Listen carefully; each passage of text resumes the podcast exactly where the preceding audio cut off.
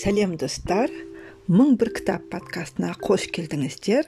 Подкастты жүргізуші бақытгүл салыхова. Бұл подкаст менің өмірімде пайда болып жатқан кітаптарға арналады. Маған әсер еткен шығармалар кітаптар да сіздерге ұнайды деп үміттенемін. Сіздерге де ой салып қызығушылықтарыңызды тудырып кітапты іздеп оқуға итермелеп жатса тек қана қуанамын. Сондықтан сіздерді кітап оқуға шақырамын. Оған қоса мың бір кітап подкастын тыңдап өз ойларыңызды айтып пікір білдіріңіздер. Бүгінгі подкасттың арқауына негіз болған ұштан деген сөз. Шәкәрім құдайбердіұлының үш анық деген еңбегін естіген тіпті оқыған да боларсыздар. Осы үш аныққа не жататынын айта аласыздар ма? Білмесеңіздер мен айтып берейін. Бірінші анық жаратушы білімі. Екінші анық жан. Үшінші анық ретінде шәкәрім ұждан мәселесін қарастырады. Ол шәкәрім философиясының негізгі категорияларының бірі десе де болады. Ұждан екі өмірдің азығы дейді. Өлімнен соң бір түрлі тіршілік бар. Екі өмірге де керегі іс ұждан. Ұждан дегеніміз ынсап әділет мейірім. Яғни абайдағы ынсап әділет мейірім үшеуін қосып айтқанда мұсылманша ұждан орысша совесть. Бұл не? Бұны ұстап тұрған кім деп қойған сұрағына өзі былай деп жауап береді. Ұждан адам жанының басты қасиеті. Онсыз жан тірексіз қалады. Адам адамгершіліктен айырылады меніңше ұждан жанның тілегі. Неге десеңіз жан тіпті жоғалмайтын бұзылмайтын нәрсе. Барған сайын шынға жоғарылайтын нәрсе. Сондықтан тезірек жоғарылауың тезірек жоғарылауды керек қылады. Мәселен таза дене таза толық мінез ой істерін керек қылады. Соның қатты керегі ұждан оны осы өмір үшін де соңғы өмір үшін де керек қылады. Себебі егер де бұл осы өмір үшін ғана керек болса ол не пайда не мақтан үшін болады. Ол жоғарылаудың ең жоғарғы жәрдемі дейді шәкәрім. Қазіргі кезде қолданылып жүрген қазақ тілінің түсіндірме сөздігін қарасаңыз ұштан сөзін былай түсіндіреді. Ұштан ар намыс ұят. Оған қоса психологиядағы анықтамасын береді. Ұждан адамның өз мінез құлқын бақылау қадағалау оған белгілі бір шек қойып мүлтіксіз орындау қабілетін бейнелейтін әдептану санаты ал қазақ тілі терминдерінің салалық ғылыми түсіндірме сөздігі педагогика бөлігінде былай дейді. Ұждан адамның халық пен қоғам немесе жеке адамдар арасындағы өз әрекеті. Іс қимылы үшін моральдық жауапкершілігін сезініп саналы түрде ұғынуын өз ойы мен іс әрекетін адамгершілік ұжданымен бағалай білуін бейнелейді. Соңғы жылдары жалпы мен өзім ес білгелі адамдардың ұждан сөзін жиі қолданғанын көп естімейтін сияқтымын. Көбінесе ұят намыс дегенді айтады. Әдебиетте шығармаларда ар ұждан тіркесінде қолданылатын оқып біліп көріп жүрміз. Бірақ өзім мағынасына көп тереңдеп бармаппын осы ұждан сөзінің. Ұждан сөзін әдейі ұмыттырғысы келетін сияқты ма әлде адамдардың өздері де оның салмағын түсініп ауырлығынан қашып қолданбауға тырыса ма? Жауапты өздеріңіз іздеп көріңіздер. Ұждан туралы шәкәрім атамыздың айтып кеткендері бар және одан артық айта алмайтыным белгілі. Сондықтан сіздерге ұждан әңгімесін оқып берейін. Бұл біраз нәрсені түсінуге көмектесетіні сөзсіз. Шәкәрім құдайбердіұлы ұждан. Қытай патшалығы ең ескі патшалық. Отырықты өмірге ерте түскен қауым. Ескі заманда қытайлар рахаттана өмірде болған. Бай кедей өз әлінше бақытты еді. Бірақ бір кезде олар таң қаларлық бір науқасқа ұшырайды. Әркім ұйқысы қашып тыныш ұйықтай алмайтын болады. Оның себебі сол кезде ұждан ұждан туды яғни періште келді. Бұл ұждан періштесі бір нұрлы сұлу қыз суретіне түсіп түн болғанда қытайларға көріне бастады. Күндіз көрінбеуші еді. Әркім қызметі саудасы болғандықтан күндіз ұжданмен сөйлесуге қолы тимеуші еді. Бірақ күн батып күндіз қас қарайып көктегі жұлдыз жылтылдаған соң ұждан шаһардың әр көшесін аралай бастаушы еді. Халық жұмыс шаруасынан босап тәтті ұйқыға кете бастағанда ұждан байлардың сарайына кедейлердің балағына кіріп төсегіне жақын келіп ей кісі маған қара дейтін еді. Ол сасқалақтап қызды көрген соң ей қыз саған не керек? Дегенде қыз ақырын ғана сен бүгін не істедің? соны анық тексеріп ойла деуші еді. Мен не істеппін?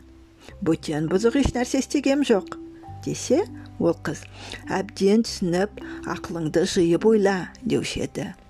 Ол кісі ойланып ойына түскен бір ісін менің сүйткенімді айтамысың? дегенде ол қыз көрінбей кетуші еді. Сондықтан ол кісінің көңілі алаң болып тынышсызданып түні бойы ұйықтай алмаушы еді. Ұждан қыз үй мен үйге қыдырып әлденеше мыңдаған қытайларды ұйқысыздық дертіне ұшыратушы еді. Сол уақыттың дәрігерлі дәрігерлері бұл ұйқысыздық оба науқасына қарсы неше түрлі дәрі жасап ем қылса да не апиен не наша не көкнәрі сияқтылардың түк пайдасы болмады. Ол өлкенің ең ақылды адамы син лужи ақылды әрі бай жақсы кісі болса да ол бұл науқасынан аман қалмады. Бұл байға әркім борышты болғандықтан бір талай адам соған борыш төлеу үшін қызмет қылып кіруші еді. Егер борыштылардың бірі харекет қылып төлемесе не біраз бидайын ашыққандардан ұрласа син лужи бай оны мейлінше сабап қатты қинаушы еді әрине оны басқаларға ғибрат сабақ болсын деп істейді. Әрине оларға бал жегізбейді қамшы жегізеді. Бірақ түн болып жалғыз жатқанда син лужи байдың ойына әлдене ойлар келуші еді. Мысалы пәленше неге ұрлық қылды? Жейтін тамағы жоқтықтан. Тамағы неге жоқ? Бар бидайын аласым үшін мен алдым. Лужи бай осындай ойларды ойлап жатып кейде күліп те жіберуші еді. Қызық ау ұрлықты ол қылады да оның аш қалғанының обалы менде сияқты деп. Сөйтіп лужи байдың да ойы бөлініп ұйықтай алмайтын болады. Қанша ойласа да бұған ем таба алмай бір күні лужи қатын бала туысқандарын жиып алып елден жиып алған малдарын жерлерін өздеріне қайтарып садақа беретінін айтты. Мұны естіген соң қатын бала туысқандары арзылап ұйқысыздық дерті лужи байды ақылынан адастыр деп оны емдетуге қам қылысты.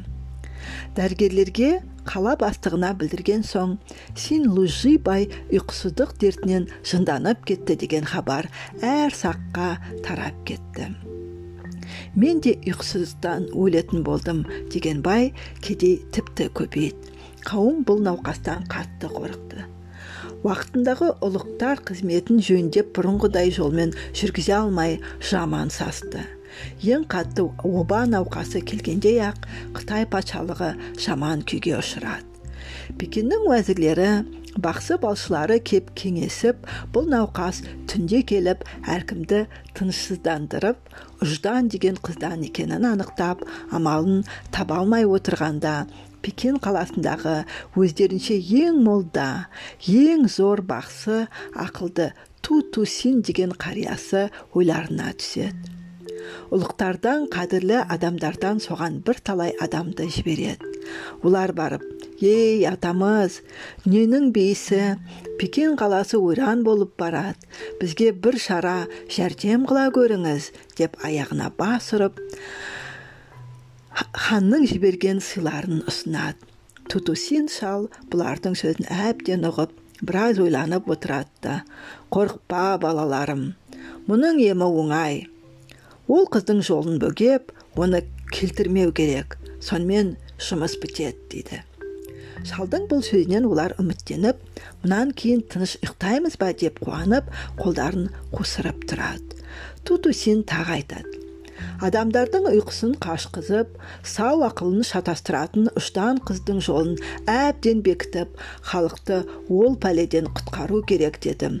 Оны ұқтыңдар ма? дегенде олар ұқтық бірақ ол қыздың жолын қайтып бекітеміз.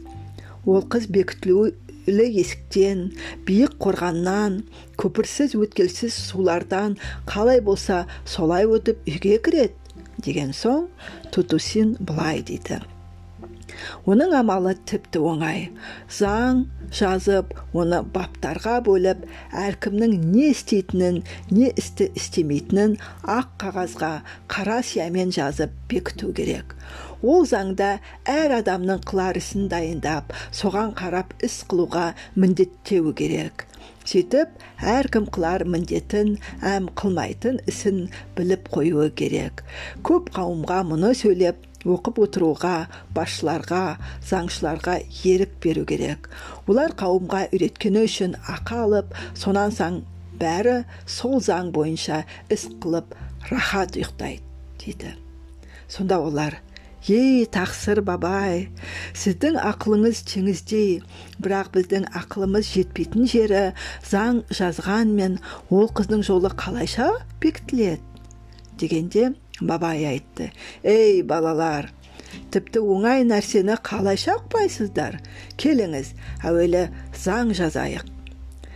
Тамам бақсы қариялар әлгі келген ұлықтар жабыла қаламға жабысып әлденеше күн заң жазып зор зор қырық кітапқа әлденеше жүз бапты заң жазыпты әр адамның бесіктен көрге шейін не істеп нені істемейтінін тіпті нені ойлап нені ойламайтынына шейін бөлек бөлек қылып жазады тутусин айтады мұнан былай ол ұштаннан да оның бір туысқан қарындасы ынсаптан да тіпті қорықпаңыз. Енді түнде тынышсыздай алмайды күндіз де келе алмайды дейді. Олар жақсы айтасыз бірақ түнде ұждан қыз келе қалса қайтеміз дейді. Тутусин жақсырақ тыңдаңыз бұл жазылған заңды әркім білмейді. Қытайдың қасиетті бақсылары жаңсыларына мұны білмегенде әр қашан келіп қара жазуларды қаратып тұрсын. Содан қандай істі қылуға мүмкін екенін білет. қырық кітап тегін ақтарылмайды. Білім ақысы деп немесе білмеу жазасы деп ақы төлейді. Онан кейін тыныш ұйықтайды. Сонан соң ұждан қыз келсе сен не істедің? десе оның сөзін тыңдамай кет жоғал мен не қылсам да заң жолымен қылдым деп көрпені басына бүркеп ұйықтай беруі керек. Тутусинге келген қауым қырық түлек кітапты алып әм оның айтқан насихатын айтып пекинге келеді. Ол заңынан әлденеше көшірме жасап бақсыларға заңшыларға ұлықтарға таратады. Одан кейін бір түні ұждан қыз син лужи байға келген соң бай күлімсіреп жақсы келдің сұлу қыз не айтасың? дейді. Не айтайын сен малыңды садақа қылып бейшараларға үлестіруге уағда етіп едің. Соны орындайсың ба? Ол уақыттың өткенін білмедің бе сұлу қыз? Енді менің мал үлестіруге еркім жоқ. Заңның 16 кітабының 82 бабына 105 бөлімінде не жазылғанын білемісің? Онда айтылған мал байлық аз аздан азар ғана жиылады атадан балаға қалады әр адам малды сақтауға міндетті ысырап қылу заңға қарсылық болады әркімнің малында қатын бала мирасқорлардың үлесі бар делінген. Егер малымды садақа беріп кедейлерге үлестірсем онда мирасқорларға қиянат қылған боламын. Ол заңға қарсы. Естідің бе қызым? Және заңның жүз алтыншы бөлімін тыңда. Малың заң бойынша ұстамай ысырап қылған адамды тұтқынға алу керек. Малына ие қою керек делінген. Кет қызым. Мұнан былай маған келме. Мен заңға қарсылық қылмаймын дейді. Сен лөжи бай көрпесін бүркеніп қозыша рахаттанып ұйқыға кетеді. Ұждан қай үйге кірсе де ей кісі сен бүгін не істедің? десе әркім кідірмей заңсыз еш нәрсе қылғаным жоқ. Жылдам кет бақсылар мен заңшылардан сұра деп көрпесін бүркеніп құрылдайтын болады. Сонан кейін қытай өлкесі рахаттанып ұйқысыздық ауруы жоғалады. Ұждан мұны көрген соң қара бұхараны қойып заңшылар бастығы нанкин қаласының зор бақсысы тутусин бабайға барады. Түн ортасы кезінде ұйқыда жатқанда оны оятып бабай маған қара дейді. Тутусин оянып қызды көріп қатты ашуланып мұның не? Есік қақпай рұқсатсыз неге кіресің ей әдепсіз? Білесің бе заңның бірінші кітабының 340 бөлімінде не жазылған? Түнде біреудің үйіне рұқсатсыз кірген адам ұры есептеліп тұтқынға алынады дейді. Ей тақсыр бабай мен ұры емеспін. Менің атым ұштан. Не айтасың? Ұждан мұжданыңды мен білмеймін. Әлде кімсің бірақ түнде жалғыз қыдырған ұрғашы заң бойынша ойнашы есептеледі. Астапыралла ей ақсақал не дейсің? Не десем де сен заңға теріс жолда жүргенің анық. Рұқсатсыз үйіме кірдің деп қоңырауды қағып еді. Үйге бірталай қызметші кіріп келгенде тұтусин мына қыздың қол аяғын бекітіп зынданның ең түбіне тастаңдар дейді қызметкерлер қызды зынданға тастайды. Содан кейін қытай өлкесі ұжданнан бір жола құтылады. Бірақ ел арасында ұжданның аты ұмытылмай ұмытылмайды. Кейбір әдепсіз надандар бақсылар мен заңшылардың зорлық ісіне шыдай алмай ей жаным мұндай орынсыз істі не қыласың? Сізде ұждан жоқ екен дегенде оларға жауап, жауап қайырғанда ұждан сізде жоқ бізде баяғыдан бар бірақ қол аяғы байлаулы абақтыда жатыр дейтін еді содан бері қытай жұрты басын көтермей тіпті тәтті ұйықтайтын болды. Тегінде ұждансыз жан өлік кесеп адамның кеселі жоқ мұнан кесек ар ынсапсыз мейірімсіз залымдарды қате қылған болмаспыз хайуан десек. Бүгін сіздермен шәкәрім құдайбердіұлының ұждан әңгімесін сөз еттік. Сізге ой салып ұжданыңызды іздеуге итермелеген болар деп сенемін. Ұжданды басқалардан іздеп қана қоймай өзімізден де іздеуді ұмытпайық. Осымен мың бір кітап подкастының тағы бір шығарылма аяқталды. Сіздермен бірге болған бақытгүл салыхова құрметті тыңдарман кітап оқыңыздар ойларыңызды кеңейтіп өздеріңізді дамыта түсіңіздер. Сіз өзгерсеңіз әлем де өзгереді. Келесі кездескенше.